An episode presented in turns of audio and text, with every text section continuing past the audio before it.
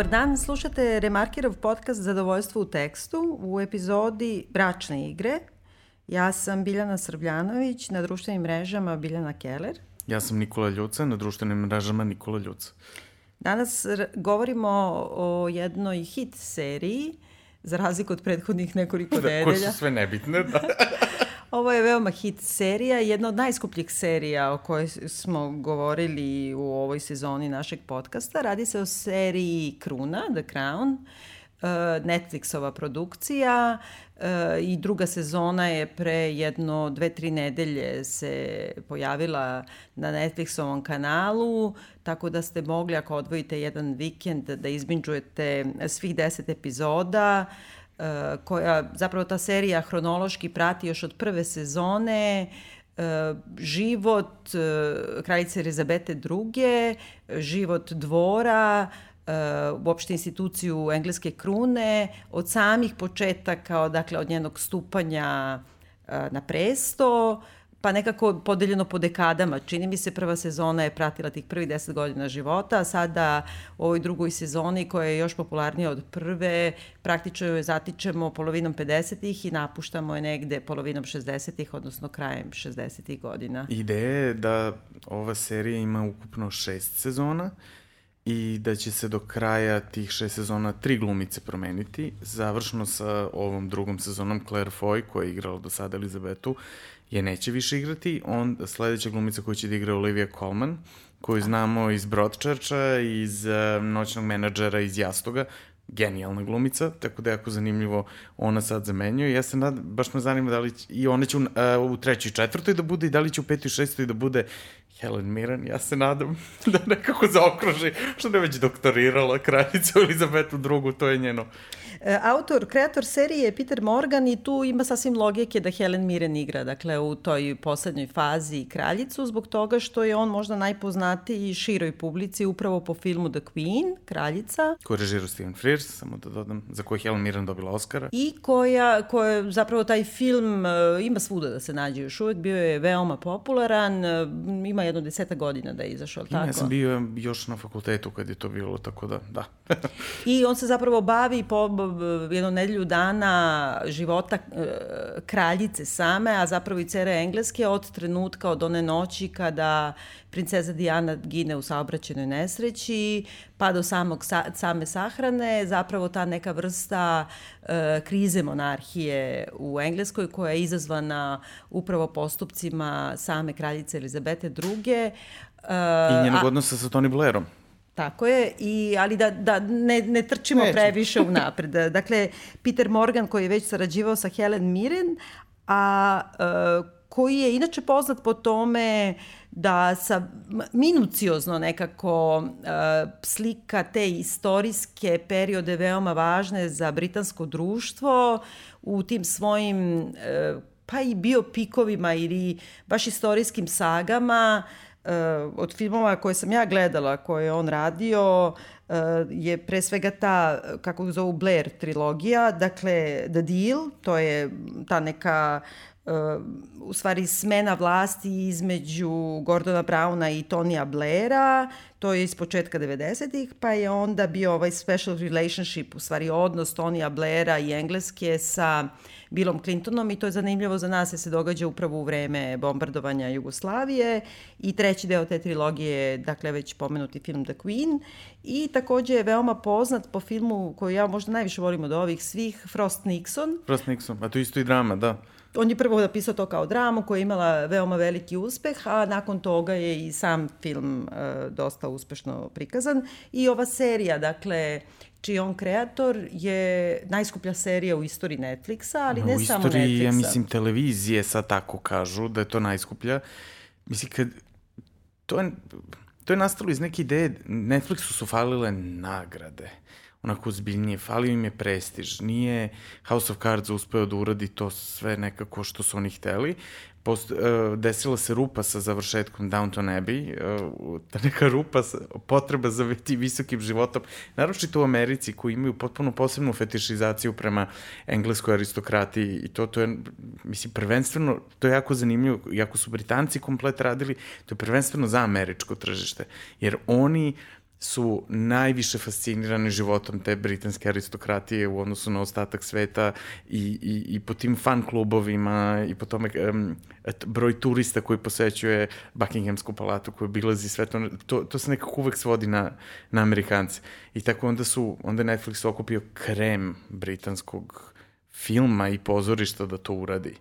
Ja mislim, jako bitno ko je, pored Petera Morgana, glavna osoba zadužena za The Crown i Steven Daldry, poznat po filmu Sati, Billy Elliot, on je bio veliki pozorišni reditelj i, dal, i dalje jako uspešan filmski, o, I oni su pokrenuli tih 130 miliona dolara, koliko su koštale ove dve sezone zajedno. Meni je neobično ta fascinacija Amerike e, životom engleske krune i, i engleske aristokratije, pre svega zato što je osnova Amerike zapravo jedan od postulata nastajanja Amerike je zapravo na odvratnosti prema, prema, prema engleskoj kruni, odnosno prema monarhističkom uređenju. Da jedna kako kažem, istorijski, možda ono paradigmatski egalitarna institucija kao što su Sjedinjene američke države, ipak ima tu neku fascinaciju, ne samo engleskom krunom, ja mislim da odatle potiče pomalo i fascinacija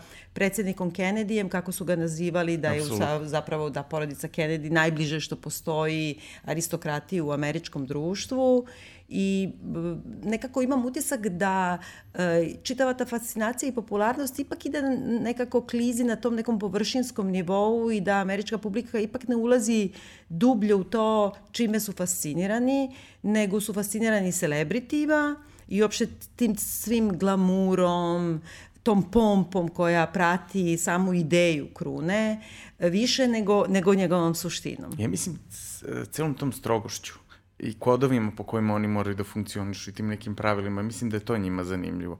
Jer to je isti jezik, to je neka kultura odakle je sve krenulo, opet je to toliko drugačije u odnosu na, taj, na tu njihovu svakodnevicu. Tako da ja kapiram i da zbog toga ide. Isto šta je Peter Morgan između Kraljice i The Crown je bila The Audience, drama, predstava koju je režirao Steven Daldry, da je Helen Mirren ponovila, koja prati sve susrete kraljice i premijera Velike Britanije kroz onako ceo jedan period 20. veka u fragmentima nelinearno, hronološki, jako duhovito u odnosu i na, i na kraljicu i na krunu, najduhovitije od svega, ja mislim što je urađeno. Ja sam gledao snimak toga, to je bilo hit na West Endu, to je bilo neviđeni hit na Broadwayu, postoji da se nađe jako kvalitetan snimak toga da, da se Postoje barem inserti, ako ništa drugo, da. Da, i to je stvarno, to je stvarno jako, jako duhovito, neočekivano. Ja sam mislio da će to da bude smrtno ozbiljno i to jako oštro politički i u stvari nekako za, za tumačenje svega ovoga mislim da je Odins ključan da se razume u kom pravcu to ide, njegov stav prema svemu tome. E, da li mogu da postavimo moje klasično pitanje? Da. Kako ti se sviđa ja, serija The Crown? Ja, kako mi se sviđa. ja stvarno, mislim, ja, ja mnogo volim Stevena Dodrija zbog The Hours, to je film koji znam unazad, mnogo sam ga puta gledao, Billy Elliot isto.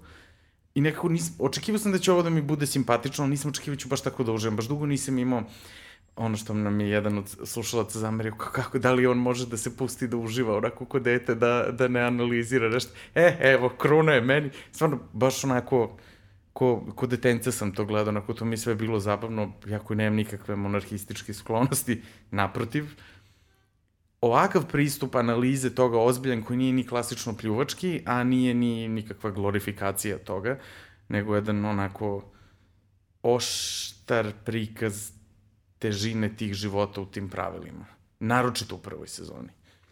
E, dobro, mi, smo se nekako dogovorili da se najviše koncentrišemo na drugu sezonu e, zato što je ona ipak e, ozbiljno dramatuški različita u odnosu na prvu i ta prva, samo da onako preletimo, ipak je nekako najklasičniji biopik u nastavcima jer ipak prati hronološki događaje i nekako ti objašnjava ključne stvari, njen dolazak na presto, okolnosti pod kojima je ona stigla do prestola, koliko je bila mlada, kakvi su njene porodični problemi bili. Fantastični John Lithgow, najluđa podela ikad za Čečela i to zato što To je jako zanimljivo zašto su njega uzeli, zato što su svi britanski glumci toliko obsednuti Churchillom kao nekom figurom koji su radili ili u školi ili nekad, da su oni u startu rekli da hoće američku glumca da igra Churchilla koji će da ima potpuno svež pogled prvenstveno komičara da iznese dramsku ulogu. Mislim, naravno to je jako duhovito na trenutke, jer Churchill je duhovita, zanimljiva figura.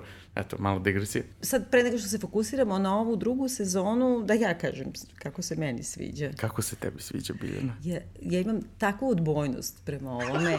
Ja toliko mrzim ovu seriju. Ja, ja toliko mislim da je to nešto najodvratnije što postoji ono, i u popularnoj kulturi, i u ljudskoj misli, da je podmuklo politički, da je loše igrano, da se taj novac koji se bacao tu uopšte ne vidi, da mi je nebitno što je to toliko novca i pre svega mislim e, ono što meni najviše tu smeta da je jedna podmukla abolicija jedne potpuno prevaziđene institucije koja je suštinski nepravedna i suštinski vređa slobodu čoveka, a to je pre svega britanska monarhija.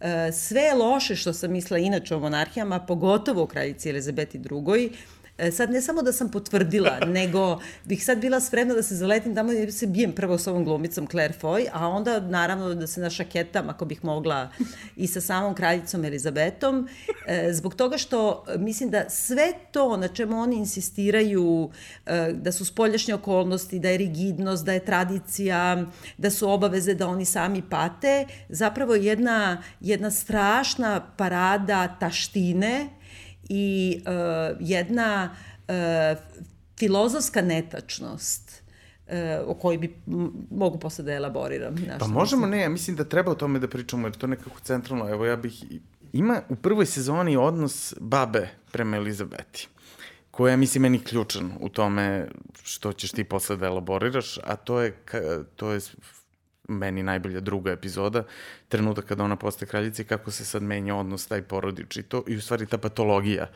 toga i koliko se to, šta se tu instruira, a šta je tu ono tvoje lično što ti kao treba da se postaviš i odnosiš prema tome što si nasledio. To je meni zanimljivo. I meni, te, ako tebe nervira Claire Foy, meni ona jako dobra. Jer ona ima nešto, ne baš na, na način na, uh, kako je to bilo u Mad Men koji sam imao prema Elizabeth Moss, to jest Peggy, da ne znam da li mi je simpatična ili me jako nervira i da to sve varira. I to, me, e, eto, meni je to uzbudljivo prema. Meni se čini kod nje, ovako, zašto me nervira? Naravno, toliko umem da razlikujem lik i glum, glumicu, ali mislim da ona ima glumački diapazan koji je užasno skučen u suštini i da ona ima nekako te spoljašnje gestove i da je ona uh, u posebno u prvoj sezoni i na početku druge sezone zapravo hoće da nam stalno dočara da je ona jedno dete koje se zatekla u jednoj istorijskoj jako te, te, ta težina krune pala na glavu jednog deteta i onda ta njena glumačka sredstva su da se ona pući, duri, diže bradu i tako dalje, a onda odjednom na pola te druge sezone uđe u neku krizu uh, ženskog identiteta i nekako shvati, uhvati u onoj jednoj epizodi, uhvati svoj pogled u retrovizoru kola posle neke kiše i shvati da je videla sredovečnu ženu, iako tog trenutka ima, na primjer, 32, 3, 4 godine, da, da, da. ne znam, tačno sam računala. I onda nekako telom igra to. I e, čitavo vreme mi se čini da ona samo tim nekakvim spoljašnjim sredstvima, a ono što je suština tog lika za mene je da je ona veoma neobrazovana, jer je ona imala, dakle, do, do njene generacije naslednici trona nisu išli u škole, nego Uopšte. su imali tutore. I to se bave, pa mislim, to ima u celoj prvoj sezoni kako ona ne zna ništa osim ustava i jezika. Ali čak izvini i to, seti se u prvoj epizodi, ona je znači ceo život od svega što je naučila da čita i da piše i ustav engleske, a onda kad dođu da ju kažu treba da izaberete ime vladarke, ona, ona kaže kao, ne znam sad kako se to kaže, royal name, kao pa sam, samo si to i učila, kao da prvi put u životu čuje da treba nekako da se zove i onda ona kaže kao neću da komplikujem stvari, ja ću biti Elizabeta druga. Uh, znači zadržala je to svoje ime i to je isto neka revolucija mala da se objasni, ali uh, suštinski kada sabereš te sad njene osobine, dakle ona je neobrazovana, ona je nezrela, ona je u jednom ona je pre svega nezainteresovana, ona nema znatiželju. E, svaki put kada je vidiš da čita knjigu, ona čita knjige o e, rastplodu krava i kako se konji jašu. I to posebno na tome insistiraju scenografi i dekorateri. Baš sam primetila u ovoj sezoni kao jedan jedini put kad je da čita neku knjigu, ona je čita u krevetu i onda kao i naslovna strana i poleđina imaju ogroman naslov, nešto breedings of cows ili tako nešto, ako ste slučajno promašili šta ona čita. I onda e, nema nekakav uopšte ličnu zainteresovanost da bilo šta sazna, čita novine svakog jutra samo ono što se tiče slike spoljašnje uh, njene porodice, uh, zna ono što je nabubačila u detinstvu o tome šta predstavlja kruna i usuđuje se kao takva da daje svoje mišljenje i da se meša i u politiku, a čak i u bilo koja druga pitanja i da ona presuđuje i osuđuje šta je moralno, šta je dozvoljeno, šta nije. Ima taj neki stav uvek iznad svih drugih koji ničim nije potkrepljen. Osim samom tom krunom.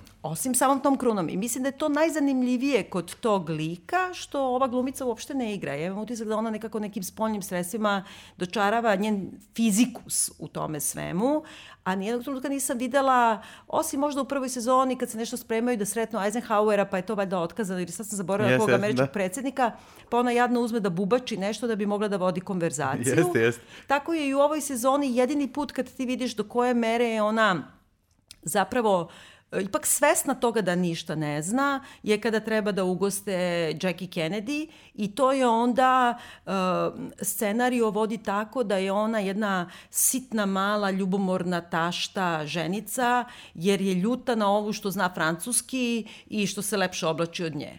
Nekako imam utisak da je svode zaista na, na jedan najjednostavniji, najprimitivniji nivo i da ta glumica to podržava. Vidiš, meni je, na primjer, to njeno odrastanje, ja to ne bih samo, hm, time da li je ona svesna kako ona sad izgleda i to. To je taj gubitak oca, nagli i onda Churchill koji preuzima figuru oca i Churchill koji je nju natero da postane ozbiljnija u tome što jeste. On je taj koji nju gura, da ona mora da razume kao onako jedan vrhunski engleski konzervativac u onom najklasičnim smislu. On nju gura da ona to sve razume. Ja mislim da ona je potpuno zamenila taj odnos kako ona s polja igra i kako se očekuje od nje da igra. Tu postoji neki glič. I to, ja to vidim kod nje, meni je to zanimljivo. Ako, e, to jeste na spolja, ali to jeste taj neki sukob u kome se ona nalazi. I meni je to zanimljivo, meni je, na primjer, meni se promene između prve i druge sezone najbolje vidi u odnosu na Filipa, u odnosu na supruga i to kako ona igra. Jer on postaje odjednom mnogo zanimljiviji u svakom smislu, kao lik, kao taj neki muškarac koji je tu, kao njen partner, kao njen suparnik na neki način, antagonista, to se najbolje vidi baš kroz to kako ona njega gleda, kako ona reaguje što se mene tiče. A zar ne misliš da je on, na primjer, nju pojao glumački i da je napravio mnogo ozbiljniji lik od nje, iako je sporodna, da. U drugoj sezoni, apsolutno, on je, on je nekako Pritom, on je toliko meni, on je jedan od tih ljudi koji su mi fizički antipatični, znači meni njegova pojava, njegov glas, to mene sve nervira, e, on je prenebrego, to postoje stvarno zanimljiv.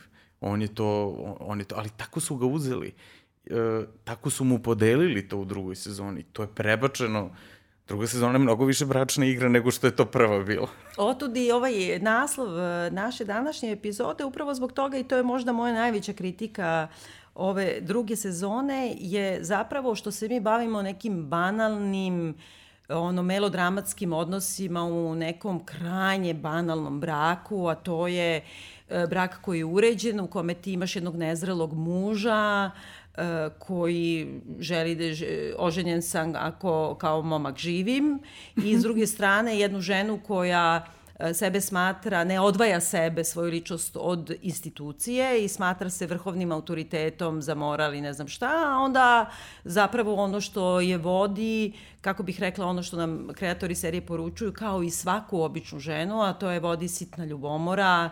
Da. Ona najveće promene u životu doživi kada uvati da njen muž ima sliku neke balerine Vire, u svojoj da, da. torbi. Kako ili... ide, kako posmatra balerinu, kako se njih dve gledaju. Jeste, jeste, postoje sapunica. Ali sapunica na nekim onako najbanalnijim osnovama. Mislim, ona ako je ipak e, preko glave e, u tom trenutku već 15 godina vladavine prebacila i to iznenada upala u to i plus jedne veoma komplikovane vladavine, e, da li je to zaista osoba koja, mislim, vidi medaljon sa balerinom u torbi svoga muža i onda odjednom promeni tok istorije engleskog carstva. Nekako, mislim da je to baš malo vređanje ženskih karaktera.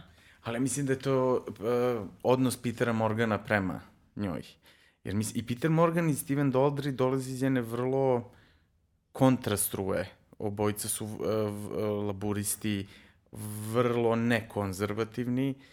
Ja mislim, kad se čita na netu šta Peter Morgan misli zaista, to su kontradiktorne informacije. On za nju govori baš to što ti kaže da ona jedna neobrazovana koju zanima samo... I to je ono što se... konji, štale i te stvari što se vidi u filmu Kraljica. Šta ona zapali u Škotsku da se bavi, da se izoluje. To je njeno... Tako se ona krije, da, da tu negde to postoji. A Steven Doldry je mnogo zanimljiv lik. Ja bih sad ovde nešto da povežem. Da li naši slušalci znaju i da li ti znaš kako ste Steven Dodri i ti povezani? Ne. Steven Dodri, Biljana Srbljanović. E, pa njih je povezala jedna luda gospođa iz, iz fakulteta u Osijeku, Sanja Nikčević, u, svoj, u svojoj knjizi Nova evropska drama ili Velika obmana, gde su Biljanu Srbljanović i Stevena Dodrija ona smestila pod isti koš. Mm -hmm. I sad, to je meni zanimljivo. Ti po tome pripadaš toj novoj evropskoj dramaturgiji, si pripadala ili čemu, kojoj je rodonačelnik Steven Daldry kao direktor Royal Courta koji je forsirao u tom trenutku određene pisce i određenu estetiku koja je eksplodirala da krenemo jel, od Raven, Raven Hilla i Sara Kane, pa kako se to onda u, na kontinentalni deo Evrope sa Majenburgom, Tobom, još nekim piscima, kako se to manifestovalo, tako da, eto, e, znači, mi pričamo o čoveku koji se tako, koji ima takvo poreklo u pozorištu, sa tom vrstom dramaturgije koja uopšte nije klasična, koji se radi ovaj najspektakularniji, najskuplji mimezis mogući Ali zaboravljaš jedan mali podatak zbog koga bih i ja radila to, bez obzira na svoje ubeđenja, a to je da po epizodi je 13 miliona funti. Pa jeste, Tako vidiš, da... a meni se vide te pare. Meni se te pare vide. One se vide po tome što većina tih stvari, svi ti ulasci, otvaranja kapije, otvaranja ovog, otvaranja ovog, to je sve rađeno Pa da, ali to je samo dorađe. scenografija. Apsolutno je scenografija. Mene to... uopšte ništa drugo tu ne vidim osim scenografije. Meni ima onih lepih, raskošnih lokacija gde su sve išli, Znači, svi oni brodovi. su pare da koštaju maltene onoliko koliko kraljica košta Englesku, Jeste, a da nijednog bio... trenutka ne postave pitanje što Engleska plaća tolike pare toj toj kraljici i što se tome pravi jedan televizijski spomenik da se mi sa tome divimo mlateći još više tih istih para. Jednostavno ne vidim u čemu bi se promenila ta stvara da je snimano kao mladi papa gde je sve u 3D E, štampi napravljen ceo Vatikan koji izvini ipak mnogo zanimljiviji i lepši jo, meni je, ne. nego Buckinghamska palata. Je, aha, Vatikan, aha, ne, reko serija Mladi papa, ja to ne mogu da gledam. Ne, ne, ne, ja ne volim Mladi papa, nego samo govorim o scenografiji, znači tu postoji bukvalno samo scenografija jako ništa dobar drugo. kostim, jako kvalitetan dakle, kostim. sve ono što je na spolja. Apsolutno, ali to je taj tip serije. Mislim, e, ja se slažem on se ne zove tomom. porodica Windsor, on se zove Kruna. Da. I tu, ta špica koja postavlja samo te, te e, kako se to izliva, koji Dijamante. su to ćoškovi, ti dijamanti, ti oblici. Treba da te fascinira. Ona je toliko u toj pojavnosti, ali to jeste u tome, to se bavi to se bavi pojavnošću Znam, ali ono što način. je zanimljivo tu, na primjer, da je ta kruna vladala vekovima, uh, naravno bazirano i na pojavnosti, ali da se nije pojavljivala i da je ovde jedna od tih stvari da je prvi put krunisanje e, prikazivano na televiziji smatrano revolucijom, da u ovoj sezoni prvi put se obraća građanima uh, za, za Božić da. preko televizije. Dakle, sve je ta pojavnost, ta ideja raskoši, težine, tradicije i tako dalje, zapravo u istoriji Engleske je vekovima bila bez vizuelnog dokaza, bez tog e, kulturnog označioca, nego on bio u tvojoj mašti. I ja sam samo očekivala da film, odnosno e, televizijski igrani program, pronađe neki adekvatni umetnički izraz, a ne da ima direktnu imitaciju onoga E, što do sada, vekovima ranije, ljudi nisu ni viđali, a ipak su osjećali strahopoštovanje i teret prema tome kroz neke simbole ili uopšte kroz simboliku. Meni će biti zanimljivo da vidimo do kraja šta će tu se desiti. Kad kažem do kraja, mislim stvarno do tih šest sezona i kako će to da se razvije sa promenama glumice, sa svim tim stvarima. To, meni je to zanimljivo. Meni je zanimljivo to koliko su prva i druga sezona različite. Uh, koliko je drugačiji ton, promenili su direktora fotografije, sve je to prepoznatljivo odmah da je to kruna, da je to... Ali ne vuče isto. E, ja se potpuno slažem za to da je to izuzetno zanimljivo, inače ne bih imala tako jake emocije prema tome, ali htela sam samo da se vratim kad si spomenuo samog Pitera Morgana, kako je on ima kontradiktorne stavove e, prema samoj kraljici. Da, ja u javnim mislim, nastupima, da. da. Ja mislim da je to bukvalno taj odnos koji ima Tony Blair, lik Tony Blaira koga je on napisao u The Queen. Aha, Martin Sheen. I to je baš taj sukob između Sherry Blair ili Cherry Blair, sad da, da. ne znam kako tačno oni izgovaraju, znači žene njegove koja je ono liberalka i skroz levo i koja ga kritikuje zbog toga što on zapravo u, tom filmu ili u tom tim pe, periodu života pomaže kraljici da prebrodi e, tu kri, samu krizu monarhije i da nekako po, bude čovek, a ne da se ponaša kao đubretara prema mrtvoj ovaj, Dajani. I čak i u samom filmu e, njega žena optužuje, ti si slab na njih, ti nisi imao majku, ona ti je, ne znam, zamenila sliku majke i tako dalje. Opet neka malo petparačka psihologija, ali imam utisak da on sam ima tu neku vrstu tako kao kritikujem, ali ipak imam strahopoštovanje, kritikujem do mere da mi ne bi palo na pamet da se ta stvar menja. I sve što je kritika je kritika samo kako da kažem, manira. Manira, jes. I, i, na, I protokola. I ničeg drugog. I sva revolucija dolazi u revoluciju promeni manira i protokola. Kao ona sad velika revolucija dozvoli da razvedeni ljudi ili kako ona kaže uh, obični ljudi ili average people, average prosječni people, ljudi, kad je oni upozoravaju da ne kaže to, nego da, da. radni ljudi. da, da da mogu da uđu u palatu, pa je ona i dalje zgrožena time. Ona koja ne zna eh, ono gde je Grenland. Mislim, i ona je zgrožena nad tim što je dolazi ono prodavac upotrebljenih automobila da poseti Buckinghamsku palatu koju jeste njoj deda ostavio, što bi rekli mi, ali u stvari i nije. Tako da, te sve neke glavne teme gde ti postaviš pitanje da ona sedne i kaže čekaj, uh, moj otac je slučajno postao kralj. Postao je kralj tako što je njegov rođeni brat abdicirao kao zato što nije mogao da se oženi američkom raspuštenicom, da upotrebim tu krasnu reč. Raspuštenica. A, u, a preskoče potpuno detalje da je on đubre, uh, Hitlerov simpatizer u prvoj nije, sezoni. Nije, prvoj to se, sezoni. to se posredno saznaje. To se posredno saznaje, ceo njihov, cela njihova povezanost uh, sa... Uh, to se saznaje u ovoj sezoni. U prvoj sezoni u oni su imali spomin... kritike užasne da su oni potpuno whitewashovali uh, princa od Vinzora ili Duke od Vinzora, kako se već kaže, zbog toga što u toj prvoj sezoni oni kao nisu oni znali. Ona je saznala 55. da je ovaj čuravo ova spavala sa von Ribbentropom. Pa kad ja znam kako nije znala kraljica Elizabeta. Eto vidiš, da. zato što si ti žena ovoga sveta. One Mislim da su te neke ključe stvari u samoj politici to mi je, na primjer, bilo zanimljivo epizoda sa tim kada se otkriva, to se zovu Marburg Files, da. i mislim da se epizoda tako nekako zove, E, to mi je možda bila najzanimljivija epizoda i kratak zaplet je u tome, ovo nije nikako spojlovanje, ili je to istorijski fakat, da u jednom trenutku Duke of Windsor hoće da se vrati u aktivan politički život, čak i da postane ovaj, ambasador e, Britanije u Francuskoj i dalje ima ve, veće ambicije, a zapravo se tog trenutka isplivavaju sakriveni telegrami koje je engleska i američka tajna služba presrela e, tokom drugog svetskog rata i e, to se sve dešavalo u tom zamku Marburg, odatle se zovu ti kao dokumenta iz Marburga i to su se pohranili i sakrili gde se dokazivalo da je Duke of Windsor pokušavao da napravi zaveru sa Hitlerom, e, da zapravo njega nametnu za kralja umesto njegovog rođenog brata.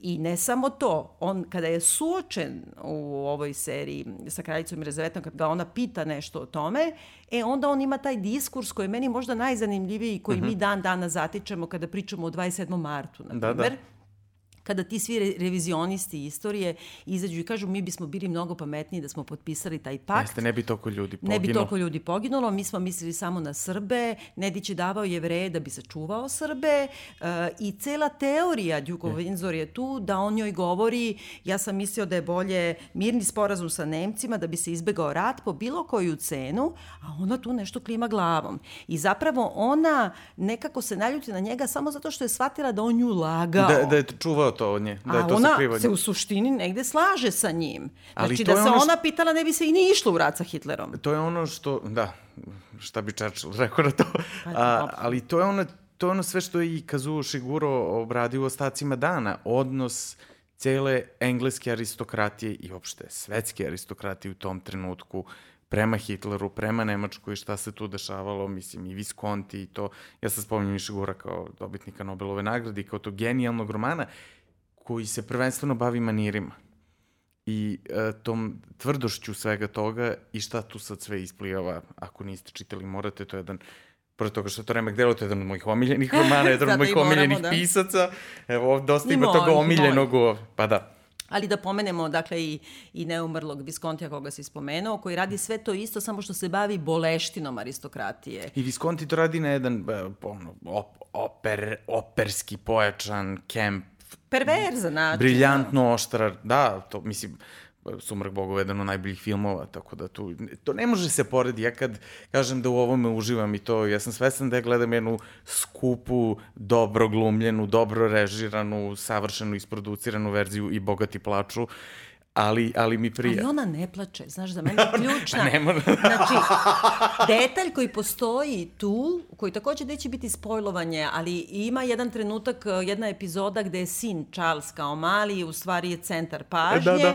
I on zapravo u jednom trenutku izložen jednoj veoma komplikovanoj i teškoj situaciji. Ona je potpuno svesna da to može da ostavi trajne posledice na njega i kada on za trenutak ima šansu da ga ona izvuče iz toga, njemu pritrčavaju guvernante i svi živi, a ona zatvori vrata i ode na drugu stranu. Znači ona je čak i loša majka. Na sve I to. čak, e, e, a i dalje je opravdava tako tim nekim, ona rađa neku dečicu, muči se, i to krupni plan kako se ona porađa u svom krevetu, daju joj inekcije dok se ovaj negde kocka i kurva i tako dalje, jadna ona, pa šta ih rađaš ako si loša majka Zato pre što svega? mora.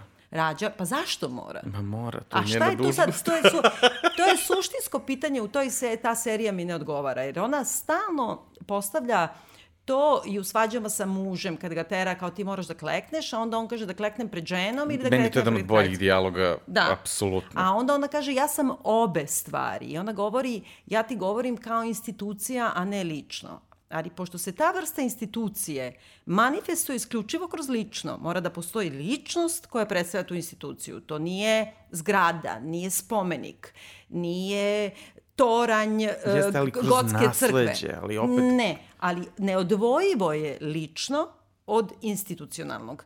Kako ona zna da njeno lično ne zagađuje ovo što je institucionalno? Šta je njena, njen, zašto se ona uhvati da to proceni? Ali mislim da se time i bavi serija. Či kad se time bavi? Ali ja mislim da je to suštinska ona potka koja ide ispod svega. Ne, ona samo Baš čita to. pravila koje su već utvrđena i ona smatra da ukoliko ona ponavlja pravila koje su utvrđena, pa nek svi ostali pomrli, to će dobro biti za instituciju, ergo to je dobro za nju. To nije dobro za njeno dete, to nije dobro za njen brak, za to nije dobro za njenu sestru. Za, ceo odnos sa sestrom, ceo sukob njih dve koje su u suštini jako vole, nastaje zbog toga. A ko jedini, pa, ko jedini ne pati tu sve? Jedino ona ne pati. Ti misliš da ona ne pati? Ona sve što može da promeni da što manje pati, ona promeni. Ona svoga muža e, proglasi za princa, ona mu dozvoli sve ono što će njoj da donese ljubav sa njegove strane. Znači, tu mogu da se krše pravila i tradicija. A ne može da se krši pravila i tradicija kad je u pitanju njena rođena sestra koja gubi čoveka koga najviše voli na svetu. Na primer. Znači, ona je u stanju da prekrši. To su neka pitanja koje sam ja nekako nekim simptomatskim čitanjem tu videla, da, da. preko kojih se to pređe, kojih ona uopšte nije svesna. Možda će u nekim kasnim sezonama da ona ima neku reminiscenciju, ali gledaju kao fast forward, opet da se vratimo na film The Queen, um, ti vidiš da je ona do kraja ostala takva, čak i u- suočena sa smrću majke svojih unuka. Da ona čak ni to neće, ne. nego će da ide da puca u životinje iz da. puške. Da. By the way, moram da ispričam sada jednu, da, jedan da, detalj, da. gledala sam Queen nekoliko puta. E, moj bivši muž je bio šaže d'affaire u Londonu, baš u trenutku u ambasadi Francuskoj. Aha, da. E, ovaj, kako se zove, kad je Diana umrla. I sad, pošto je ona poginula u Parizu, oni su naravno prvo javili Francuskoj ambasadi istovremeno kad je Bakivinsko palati i onda sad znam celu tu priču iznutra kako je to bilo. I sad između ostalog, on je morao da organizuje to i francuskim državnim avionom, ne znam, onda je on išao tamo, pa je doveo ovim i tako. I onda ima scena kada su baš na aerodromu, kad dolazi, Charles do, dovodi telo Dajane. Da. I kao tu je Tony Blair, um, tu je Charles, uh, privatni sekretar i onda pored, odmah pored je stajao moj bivši muž. Tvoj bivši muž. E, sad gledaj ovako kadar je i to me svaki put me nerviralo, znaš, kadar ima rame. Samo rame. da, rame. Rame Nisu... ambasadora, da, znaš, da, da, da. ali on je tu bio pa... I onda mi je pričao kako je ovaj, bio jako Charles zapravo, da je iznenađen bio koliko je on bio potrešen, jer ga je zapravo sačekao na samom izlazu iz aviona i ovaj mu je rekao, your people were magnificent. I to je baš, to je bila rečenica i kao rukovali su se i da je mu ostala ta slika da je kao Charles hladan, distanciran, imao je ljubavnicu i nezainteresovan, da je video jednog čoveka koji je potpuno uništen time što se dogodilo i da se sva patnja ocrtavala njemu na licu. Tako da, eto, tako mali Ali, privatni super mi je zato što si uh, snizila to, ni malo si malo te ne krela da, šapuće, da, da, sad ćemo da kažemo jednu da. tajnicu ne, koju polu smeš. Pa meri švenk na levo, na levo. tako da glu, ima glumac koji glumio rame, mog bivšeg muža u filmu The Queen. Ovaj, I uh, tu se dakle vidi u tom filmu koliko se zapravo ona nije promenila. Tako da ja sad ne znam šta će u sledeće četiri sezone, koja vrsta evolucije tog ja karaktera. Ja se nadam da će da dođu do, u toj nekoj poslednjoj sezoni ili šta, do jednog trenutka koji je meni jedan od najluđih u istoriji uh, krune njihove. To je otvaranje olimpijade u Londonu. Hmm gde svi misle da je to neka statiskinja koja jako liči na nju, koju prati Daniel Craig kao James Bond. Meni to baš ludo i perverzno i, to, i koju je, by the way, režirao Steven Daldry, otvaranje da. olimpijade. Tako da to je... Da, ja, meni to sve više i više ljut, liči na jednu kliku koji imaju jednu ljutu tezgu sa puno para i koji nemaju razloga da se stave u loše odnose sa kraljicom Inače, neće režirati olimpijade i serije od po 100 milijardi funti. Ali još jedan detalj da kažem što bi jedino zanimljivo, to sam još ranije čitala u nekim tračarskim novinama predno 10-20 godina je neki tip e, uspeo da se ušunja u Buckinghamsku palatu, da li da se zaposli tamo ili ne znam šta, i onda je napravio kao, i onda između ostalog bila priča da kraljica Elizabeta ide po kući sa tašnom i oni sad stvarno insistiraju Stiraju na, na tome. tome da. Ali da ti kažem, ja sam i tako isto sticajem nekih okolnosti živela u nekim rezidencijama koje nisu naravno kao Buckinghamska palata, ali su velike. I ti, brate, stvarno mora nosiš tašnu. Većeš telefon, olovku, pljuge, naočari. Znači, to da se šetaš po sobstvenoj kući, Kući, meni je uvek bilo kad, si, kad to, to nije tvoja kuća, nego da. ti si tu u nekoj zvaničnoj funkciji, meni je uvek bio uh, kao evo na ovom mom malom primjeru, kao ti si od ujutru u cipelama. Jer su oko tebe neki ljudi, iako je to tvoja ispavaća soba kupatilo i sve, ti si od ujutru obučeni i u cipelama. I plus se šetaš sa tašnom. Vidiš ti šta sve, koje su da. težine. Te su te težine, da. Te težine su meni zanimljive. Te živine, što bi rekli ovi u, u, ovaj, u Zemunu. Ali imam utisak da je to nekako tako, te stvari su mi onako pre, pre, pretrčane preko toga. Najzanimljivija mi je njena sestra i kao da, glumica i cela ta, ta priča. Ima najbolje kostime. Najbolje kostime i ono što oni nikako, ja bih voljela da više puta ponavljaju, ja sam ja stalno kao proveravala tokom koliko su one mlade tog trenutka. Ovo ima, na primjer, 27 godina, da, da. već je žena uništena za život potpuno. E, I još jedna e, na kojoj da se zadržimo možda još samo za kraj, ta ključna epizoda za, za Amerikance, a to je dolazak, dakle, Kennedy i Jackie Kennedy u, susret, u, u London. Susret dva klana. Da. Susret dve fantazije. Susret tog Kamelota i Vinzora. Da, Kamelota i Vinzora. Inače, Kamelot reč, sam toj, e, sama reč je nastala nakon ubistva Kennedyja i to je onaj smislila To, to si u Jackie. filmu Jackie koji je jako dobar. Jel tako i tu se govori? Da, vidiš Ja sam čitala neku njenu autobiografiju ili ne znam šta. Film Jackie je jako, jako inteligentan i jako zanimljiv. Jako se dobro time bavi i na potpuno neočekivan način tim trenutkom, iako misliš da je to sve nešto što tačno znaš kako će da ide, da je to tipičan biopic, ne. Natalie Portman, kad, se, kad pričamo o tom maniru, ona je taj manir digla do do miliona, da onako, toliko je levo da je desno, to obrnula je neki krug, to je otišlo ne, u, u nešto što, što te omađijava. I to je ono što je jako zanimljivo. Mene Natalie Portman omađijala kad je imala 13 godina i nikad nije prestala da me omađijala. He's not my husband, he's my lover. Genijalno, dobro, kad dobro genijalno. Genijalno, genijalno. Prvo se njemu zahvalila. Ali i tu je zanimljiv taj odnos te dve žene, jer uh, zapravo oni naprave uh, sam ulaz Kennedy-a i Jackie Kennedy kao, ono, kao da su šikarići. Znači, iako su dobili papir o, to, o protokolu na kome oni insistiraju ova se ne pokloni, Da. uh, obraćaju se pogrešno, opet sad da vratim bivši muž, kad je Da. išao da preda, uh, kako se kaže, credentials, ono, kad si ambasador postaješ. Aha, dobro, da, ne znam. Greman, to- na? Aha, dobro. I onda ti imaš, moraš da obučeš nekakav poseban frak, moraš da ideš kočijama, moraš da imaš i kažu ti svi ono što se pojavljaju u filmu The Queen. Kažeš kao ma, mem, znači ne kao hem, nego ne znam, mora mam, uh, da ona pruži prvo ruku, da moraš krci ovako i tako dalje. Ali to nije neka komplikacija, to te nauče u 3-4 tačke. Znači sama činjenica Ma ove to nije da zanimalo. Žaklina, ja mislim da je ona to namerno uradila. A ovde ih predstave malo, ušla Milunka Karić, da ne zna da se rukuje i ne zna na koju stranu da krene. A pre toga je ova ljubomorna, jer ova zna francuski i kao ova uh, Elizabeta kaže, pa svi znamo francuski. Pa brate, ne znate svi, a ona zna i španski. a treći insistira na tome stalno to kao neki kao malo kao Crystal i Alexis kao To, to, to, to, e, a to jeste. me nervira taj odnos prema dve zanimljive, istorijski veoma značajne žene. Ova je omađijala Pariz time što je inteligentna, što je završila Sciences Po, što ima šta s kim da priča, a ova kaže, pa ona je samo lepa, nema veze. I onda tu sad ima neka intriga koja je takođe istorijski poznata, a to je da je Jackie Kennedy nju nešto treširala na nekom žuru i kao posle dolazi Jackie Kennedy da joj se izvinjava, ono da gužva kapu, kako se kaže to na srpskom, i da kaže, nisam ja to tako mislila da su drogirali. Ma idi bre, brate, dramaturgio, majke ti, sele da Meni piju čaj. super. Ma daj bre, sele su da super. piju čaj. I onda će ova da joj kaže, jao, nama su dali, dali su mi ekstazi, pa nisam to ja, to ekstazi iz mene govorio i ne znam šta. E, nekako potpuno bezrazložno neko tumačenje, alternativno tumačenje istorije za koje ne možda da znamo, pošto niko nije bio u toj Niko to sobi. ne zna, ali meni, meni je ta vrsta igre, baš, baš taj odnos prema Kennedy, to, meni je to zabavno. Ali znam, ali, ali Jackie Kennedy onda bude neka jedna mala jadnica. Izvini, Jackie Kennedy je bila mnogo ona- prefriganija. U tom obrtu Jeste, ona je Alexis. meni tu ispala, da, da, da, nije ona meni tu ispala jadnica, meni ona tu samo ispala tako bezobrazna. Pa dobro, ali ne, ona se tu izvinjava. Nije Ona baš kao je do Karić, suza nije to. došla. Pa naravno, ali ona je došla tu do suza da ju kaže kao, ja, meni su drogirali, ja nisam znala šta pričam, to je strašno, ja se izvinjavam, ova, kao nema veze.